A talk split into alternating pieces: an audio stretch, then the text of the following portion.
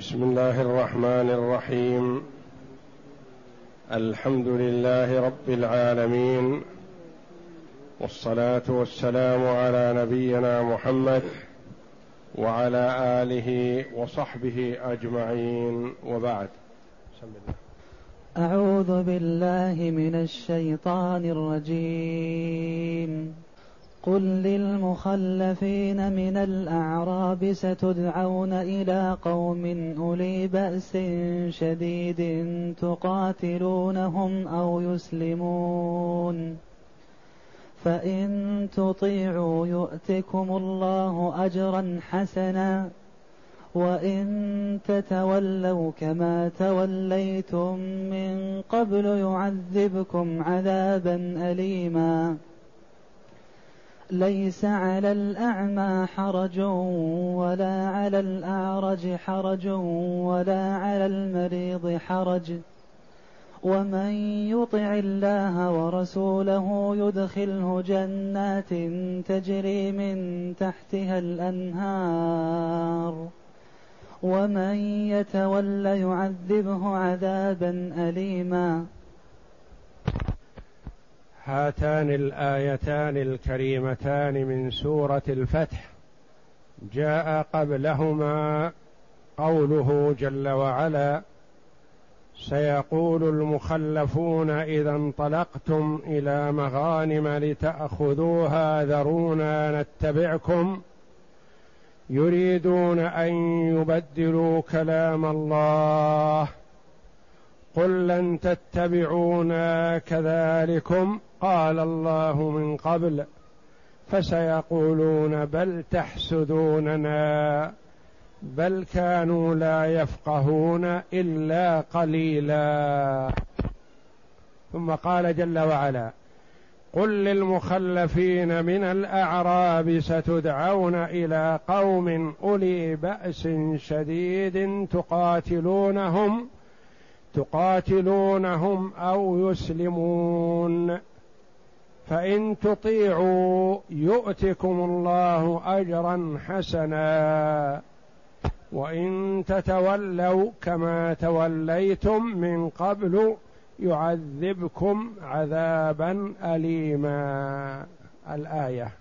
بعدما وبخهم الله وأنذرهم وحرمهم غنائم خيبر جزاء تخلفهم عن رسول الله صلى الله عليه وسلم حينما ندبهم إلى العمرة والذهاب إلى مكة.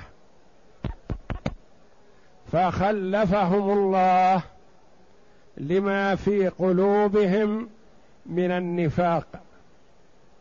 فهم خشوا من القتل من كفار قريش وقالوا في أنفسهم كفار قريش غزوا محمدا في المدينة وقتلوا من قتلوا من أصحابه. فكيف إذا ذهب إليهم في ديارهم فسيقضون عليه هو وأصحابه ولن يرجع منهم أحد. فلذا تخلفوا؟ وقال الله جل وعلا عنهم سيقول المخلفون إذا انطلقتم إلى مغانم لتأخذوها ذرونا نتبعكم. فبين جل وعلا أنه حرمهم من هذه المغانم لتخلفهم. والله جل وعلا جواد كريم. يلطف بعباده. يؤدبهم. وينبههم. لعلهم يرجعوا ويندموا. فإن رجعوا وندموا وتابوا تاب الله جل وعلا عليهم. كما قال هنا قل لهم يا محمد قل للمخلفين من الأعراب ستدعون إلى قوم أولي بأس شديد. ستدعون إلى القتال مرة أخرى. فانتبهوا. إن استجبتم كفر الله جل وعلا عنكم ما سلف وآجركم وأدخلكم الجنة. وإن أبيتم وأعرضتم كما أبيتم من قبل فموعدكم النار. والله جل وعلا لا يسد ولا يقفل ولا يغلق باب التوبة عن عبده. فهو جل وعلا جواد كريم. مع إعراض العباد وانتهاكهم للحرمات ووقوعهم في المآثم يناديهم لعلهم يتوبوا. كما قال تعالى قل يا عبادي الذين أسرفوا على أنفسهم لا تقنطوا من رحمة الله. إن الله يغفر الذنوب جميعا. إنه هو الغفور الرحيم. وأنيبوا إلى ربكم وأسلموا له. من قبل أن يأتيكم العذاب ثم لا تنصرون الآيات. وقال تعالى يا أيها الذين آمنوا اتقوا الله وذروا ما بقي من الربا إن كنتم مؤمنين. فإن لم تفعلوا فأذنوا بحرب من الله ورسوله. إن لم ترجعوا وتتركوا الربا فاخرجوا للمحاربة. فأذنوا بحرب من الله ورسوله. وإن تبتم بعد هذه المحاربة فلكم رؤوس أموالكم لا تظلمون ولا تظلمون. يقبل توبتكم جل وعلا. فهو جل وعلا ينادي عباده مع ما هم عليه من الكفر والضلال والشقاء باللطف واللين لعلهم يؤوبوا إلى ربهم لعلهم يستغفروا لعلهم يندموا لعلهم يمحوا ما سبق.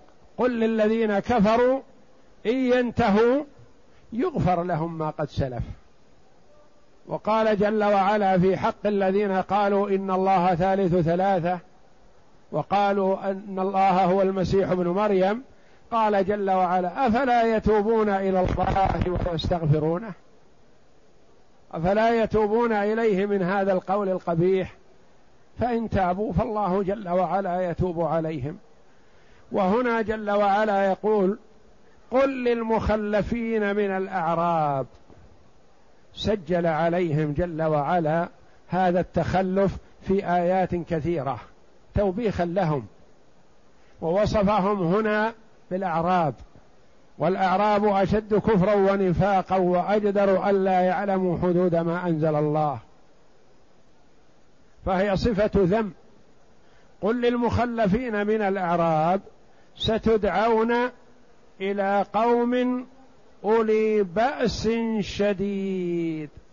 ليسوا كأهل خيبر.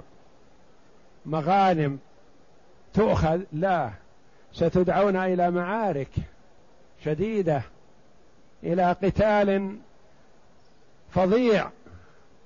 فأنتم إن استجبتم غفر الله لكم ما سلف وإن لم تستجيبوا فالويل لكم.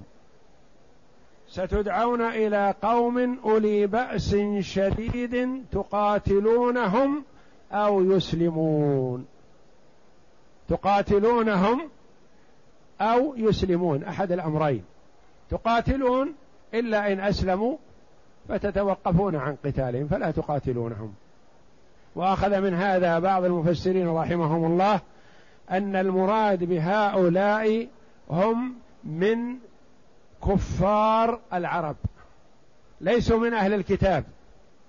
لأن أهل الكتاب لهم يخيرون بين ثلاثة أمور. الإسلام وهذا لا يعدله شيء فإن أبوا فالجزية فإن أبوا فالقتال. وهؤلاء ما ذكر الله جل وعلا لهم إلا الخيار بين أمرين الإسلام أو القتال فلذا قال كثير من المفسرين إن المراد بهؤلاء المرتدون من العرب الذين ارتدوا عن الإسلام بعد وفاة النبي صلى الله عليه وسلم. ستدعون أيها المخلفون حول المدينة هؤلاء إلى قتال المرتدين. والمرتدون لا يقبل منهم إلا الإسلام أو السيف لا يقبل منهم جزية. هذه ناحية. الناحية الثانية وجه أن المراد بهم من كفار العرب قالوا ان إن الله جل وعلا قال ستدعون إلى قوم أولي بأس شديد تقاتلونهم أو يسلموا. تدعون. قالوا والنبي صلى الله عليه وسلم قد قال الله جل وعلا له فإن رجعك الله إلى طائفة منهم فاستأذنوك للخروج فقل لن تخرجوا معي أبدا. يعني ما كان خروجهم الموعود به هذا مع النبي لأن النبي صلى الله عليه وسلم نبههم بأنهم لن يخرجوا معه. ولكن سيدعون ودعوا إلى هذا في زمن أبي بكر وعمر رضي الله عنهما. واستنبط بعض المفسرين رحمهم الله إن أن إمامة أبي بكر وعمر منصوص عليها في هذه الآية لأنهم دعوا الناس للقتال والله جل وعلا أخبر بذلك بأنه قال ستدعون سيدعوكم من يتولى الأمر بعد محمد صلى الله عليه وسلم. ستدعون إلى قوم أولي بأس شديد. اختلف المفسرون رحمهم الله في هؤلاء القوم. من هم؟ الذين يدعى المتخلفون المخلفون إلى قتالهم. قال عطاء بن أبي رباح ومجاهد وابن أبي ليلى وعطاء الخراساني هم فارس. وقال كعب والحسن وابن أبي ليلى هم الروم. وروي عن الحسن أيضا أنه قال هم فارس والروم. وقال سعيد بن جبير هم هوازن وثقيف. وقال قتادة هم هوازن وغطفان يوم حنين يعني بعد فتح مكة.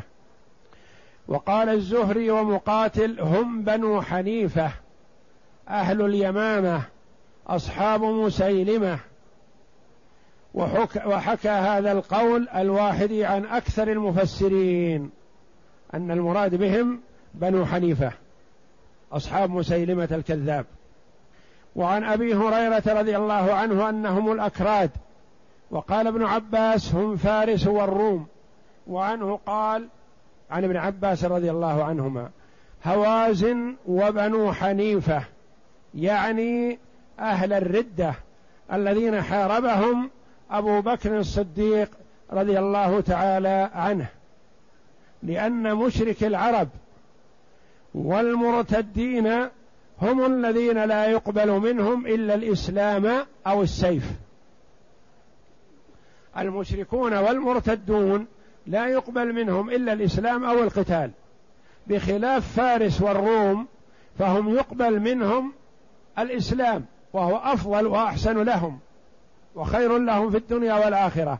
فإن لم يقبلوه فيعرض عليهم الجزية. إذا دفعوا الجزية يقرون على دينهم. فإن لم يلتزموا بالجزية فالسيف القتال.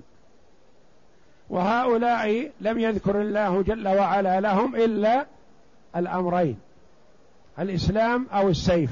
ولهذا رجح كثير من المفسرين أن المراد بهم مشرك العرب والمرتدون عن الإسلام الذين ارتدوا عن الإسلام بعد وفاة النبي صلى الله عليه وسلم. وقال أبو هريرة رضي الله عنه لم يأتي تأويل هذه الآية بعد. وفي هذه الآية دليل على صحة إمامة أبي بكر الصديق وعمر الفاروق رضي الله تعالى عنهما لأن أبا بكر دعاهم إلى قتال أبي بني حنيفة وعمر دعاهم إلى قتال فارس والروم. تقاتلونهم أو يسلمون. ما يحصل الأمران القتال إلا إن أسلموا فيكف عن قتالهم. ومعنى هذا أنه لا تهدأ الحال بيننا وبينهم حتى يسلمون وإلا فالقتال مستمر. ولهذا قال تعالى تقاتلونهم أو يسلمون. فإذا أسلموا كف عنهم. ما داموا لم يسلموا فلا يكف عنهم يعني لا يقبل منهم جزية ولا صلح ولا غير ذلك. ثم قال جل وعلا فإن تطيعوا إلى قتالهم حينما يدعوكم الإمام إلى قتالهم فإن تطيعوا يؤتكم الله أجرا حسنا. فإن تطيعوا طلب الإمام الخروج للقتال في سبيل الله. يؤتكم الله يعطيكم الله هذا جواب الشرط. إن هذه شرطية وتطيعوا فعل الشرط وجواب الشرط يؤتكم الله أجرا حسنا. قال جل وعلا أجرا حسنا. يعني في الدنيا والآخرة. الأجر في الدنيا الغنيمة والنصر والتأييد من الله جل وعلا. والأجر في الآخرة الجنة. جنة عرضها السماوات والأرض. وإن تتولوا تعرضوا وتأبوا وتمتنعوا كما توليتم من قبل لكم سابقة. حصلت منكم زلة يذكرهم الله جل وعلا بها. زللتم زلة في الأول فإن أبيتم فقد أبيتم من قبل. وإن تتولوا تعرضوا وتمتنعوا وتأبوا. كما توليتم من قبل يعذبكم عذابا أليما. وإن تتولوا مثل السابقة في فعل الشرط وجوابه وأداة الشرط هي إن. يعذبكم هذا جواب الشرط عذابا أليما يعني عذابا أليما في الدنيا والآخرة في الدنيا بالقتل. وفي الآخرة بنار وقودها الناس والحجارة. وإن تتولوا كما توليتم من قبل يعذبكم عذابا اليما. ففي هذا لفت نظر وتذكير وعظة من الله جل وعلا لعباده في هذا الخصوص وفي جميع المخالفات. جميع المخالفات التي تحصل من العبد الله جل وعلا يمهله ويستر عليه ولا يستعجل في أخذه جل وعلا. لعله يندم لعله يستغفر لعله يتوب فيتوب الله جل وعلا عليه. وإذا أبى واستمر على طغيانه ومعصيته ومخالفته أخذه جل وعلا أخذ عزيز مقتدر وهو أي المخلوق لا يستطيع أن يفلت من يد الله جل وعلا. يستطيع أن يهرب من مخلوق آخر مثله. المخلوق الآخر قد يمكنه أن يأخذ هذا الذي يريد وقد يفلت من يده. لكن الخلق جل وعلا بيده سبحانه لا يفلتون. فهم في قبضته وفي تصرفه متى شاء جل وعلا. وإن تتولوا يعذبكم عذابا اليما بالقتل والأسر والعقوبة في الدنيا ثم العذاب الأليم في الآخرة في النار التي وقودها الناس والحجارة. اختلف المفسرون في هؤلاء القوم الذين الذين يدعون إليهم الذي هم أولو بأس اختلفوا في هذا. هل هم هؤلاء في زمن النبي صلى الله عليه وسلم؟ أم هم بعد وفاة النبي صلى الله عليه وسلم؟ وهل هم فارس والروم؟ أم هم هوازن وغطفان؟ أم هم بنو حنيفة؟ أم من هؤلاء؟ نعم. اختلفوا على عدة أقوال.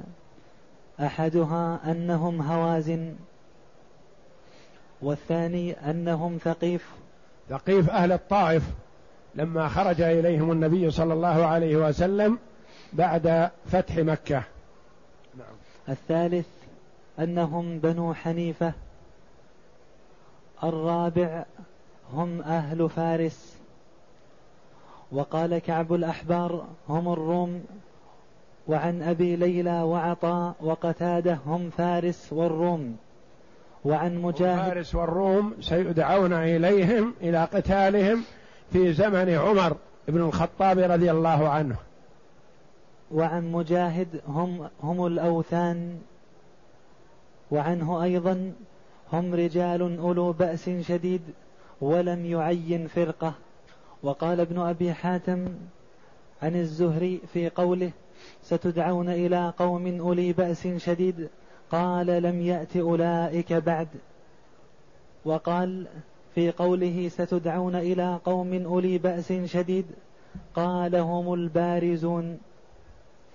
وقوله تقاتلونهم أو يسلمون؟ يعني يشرع لكم يشرع لكم جهادهم وقتالهم فلا يزال ذلك مستمرا عليهم. ولا ولكم النصر عليهم يعني لا تكفوا عنهم إلا بأحد الأمرين. أما الإسلام ولا الاستمرار في القتال. أو يسلمون فيدخلون في دينك في دينكم بلا قتال. ثم قال فإن تطيعوا أي تستجيبوا وتنفروا في الجهاد وتؤدوا الذي عليكم فيه يؤتكم الله أجرا يعني حسنا. مشروعية القتال في الإسلام لمصلحة المقاتل لأنك تقاتله من أجل أن يدخل في الإسلام ليدخل الجنة. وكما جاء في الحديث عجب ربك إلى قوم يجرون إلى الجنة بالسلاسل. هم الكفار يقاتلون من أجل أن يدخلوا الجنة. يعني يرغمون على الدخول في الجنة. نعم. وإن تتولوا كما توليتم من قبل يعني في زمن الحديبية حيث دعيتم فتخلفتم يعذبكم عذابا أليما. ثم ذكر الأعذار في ترك الجهاد فمنها لازم كالعمى والعرج المستمر وعارض كالمرض. الذي يطرؤ أياما ثم يزول فهو في حال مرضه ملحق بذوي الأعذار اللازمة حتى يبرأ. يقول الله جل وعلا ليس على الأعمى حرج ولا على الأعرج حرج ولا على المريض حرج. لما ذكر جل وعلا مشروعية القتال وأمر بذلك وقال ستدعون إلى قوم أولي بأس شديد تقاتلونهم أو يسلمون. فإن تطيعوا فلكم كذا وإن تأبوا فلكم كذا. جاء الأعمى والأعرج والمريض. قال يا رسول الله لا أستطيع الجهاد والقتال والله جل وعلا وعد المجاهدين بالثواب وتوعد المتخلفين بالعقاب فأنزل الله جل وعلا لطفه بعباده الذين ابتلاهم بشيء لا يستطيعون معه الخروج للجهاد. وهذا الشيء قد يكون مستمر مع العبد لا يستطيع مطلقا. وقد يستطيع لكن منعه عارض والعارض هذا قد يزول. فقد يدعى إلى الجهاد حال وجود هذا العذر. فما حكمه؟ فنبه جل وعلا على الأمراض الباقية المستمرة التي يعذر معها العبد باستمرار فقال ليس على الأعمى حرج ولا على الأعرج حرج. ونبه جل وعلا على العذر العارض التي يعذر معه المرء ثم إذا زال عذره عليه أن يكون مثل غيره في الجهاد. فقال ولا على المريض حرج. فالمرض يعرض ويزول. فهو إذا نودي للجهاد في حال مرضه فهو معذور. وإن نودي للجهاد في حال صحته وجب عليه الاستجابة. عن زيد بن ثابت رضي الله عنه كاتب الوحي الذي يكتب عند النبي صلى الله عليه وسلم قال كنت أكتب لرسول الله صلى الله عليه وسلم وإني لواضع القلم على أذني. إذا أمر بالقتال إذ جاء أعمى فقال كيف لي وأنا ذاهب البصر؟ فنزلت ليس على الأعمى حرج. نزلت هذه الآية لطف من الله جل وعلا بعباده. حال كلام الأعمى مع النبي صلى الله عليه وسلم. فالله جل وعلا ينزل القرآن حالة الحاجة إليه. ينفس عن عباده كما قال جل وعلا قد سمع الله قول التي تجادلك في زوجها وتشتكي إلى الله والله يسمع تحاوركما. تقول عائشة رضي الله عنها إني لمعهم في الحجرة ويخفى علي بعض كلامها. ما تسمع بعض كلام المرأة هذه التي تشتكي الحال على النبي صلى الله عليه وسلم فأنزل الله جل وعلا في الحال قد سمع الله قول التي تجادلك في زوجها وتشتكي إلى الله والله يسمع تحاوركما. ثم أنزل الله جل وعلا الفرج لأن زوجها ظاهر منها بعدما كبرت وكثر عيالها. فجاءت تشتكي الحال إلى النبي صلى الله عليه وسلم فأنزل الله جل وعلا الفرج بكفارة الظهار. في سورة قد سمع الله سورة المجادلة سميت بهذا. قال زيد بن ثابت رضي الله عنه فنزلت ليس على الأعمى حرج الآية. قال هذا في الجهاد وليس عليهم من جهاد إذا لم يطيقوا. أخرجه الطبراني. يعني ليس عليه حرج لا مطلقا في كل شيء. يعمل ما شاء الأعمى أو يعمل الأعرج ما شاء. لا ليس عليه حرج في الجهاد لأنه لا يستطيعه. وأما ما يستطيعه فيجب عليه. فلا يعذر بالنفاق ولا يعذر بالمعاصي. ولا يعذر بترك الواجبات ولا يعذر بانتهاك المحرمات ولا يعذر بالغيبة ولا بالنميمة لا ليس عليه حرج في التخلف عن الجهاد لأنه لا يستطيع. ثم قال جل وعلا ومن يطع الله ورسوله المهم الطاعة والامتثال. والإيمان بالله ورسوله. والله جل وعلا لا يكلف نفسا إلا وسعها. والله جل وعلا يقول فاتقوا الله ما استطعتم. كل مكلف بحسب استطاعته. ما يقال للفقير تصدق وهو ما عنده شيء ياكله لا. ما يقال للمريض اخرج للجهاد. وإنما المهم الامتثال والإيمان فيما يستطيعه العبد ومن يطع الله ورسوله لأن طاعة الرسول صلى الله عليه وسلم تابعة لطاعة الله. من يطع الرسول فقد أطاع الله. يدخله جنات تجري من تحتها الأنهار. أنهار الماء واللبن والخمر والعسل. تجري في الجنة بغير أخدود. لا تتوقف ولا تنضب ولا تقل. تجري من تحتها الأنهار ومن يتولى يعرض ويأبى وتحصل منه المعصية يعذبه عذابا اليما. والمعصية بحسبها. إن كانت كفر فهو في العذاب الأليم خالد مخلد في النار. وإن كانت معصية دون الكفر فأمره إلى الله جل وعلا داخل تحت المشيئة. إن شاء جل وعلا غفر له بإيمانه وتوحيده وأدخله الجنة وإن شاء جل وعلا عذبه بالنار مقابل معصيته مقابل سرقته مقابل زناه مقابل غيبته مقابل نميمته مقابل ما فعل من المعاصي. إن شاء عذبه في النار ثم يخرجه الله جل وعلا من النار ويدخله الجنة بإيمانه بالله وتوحيده. ومن يتولى عن الطاعة يعذبه عذابا اليما يعني مؤلما شديدا.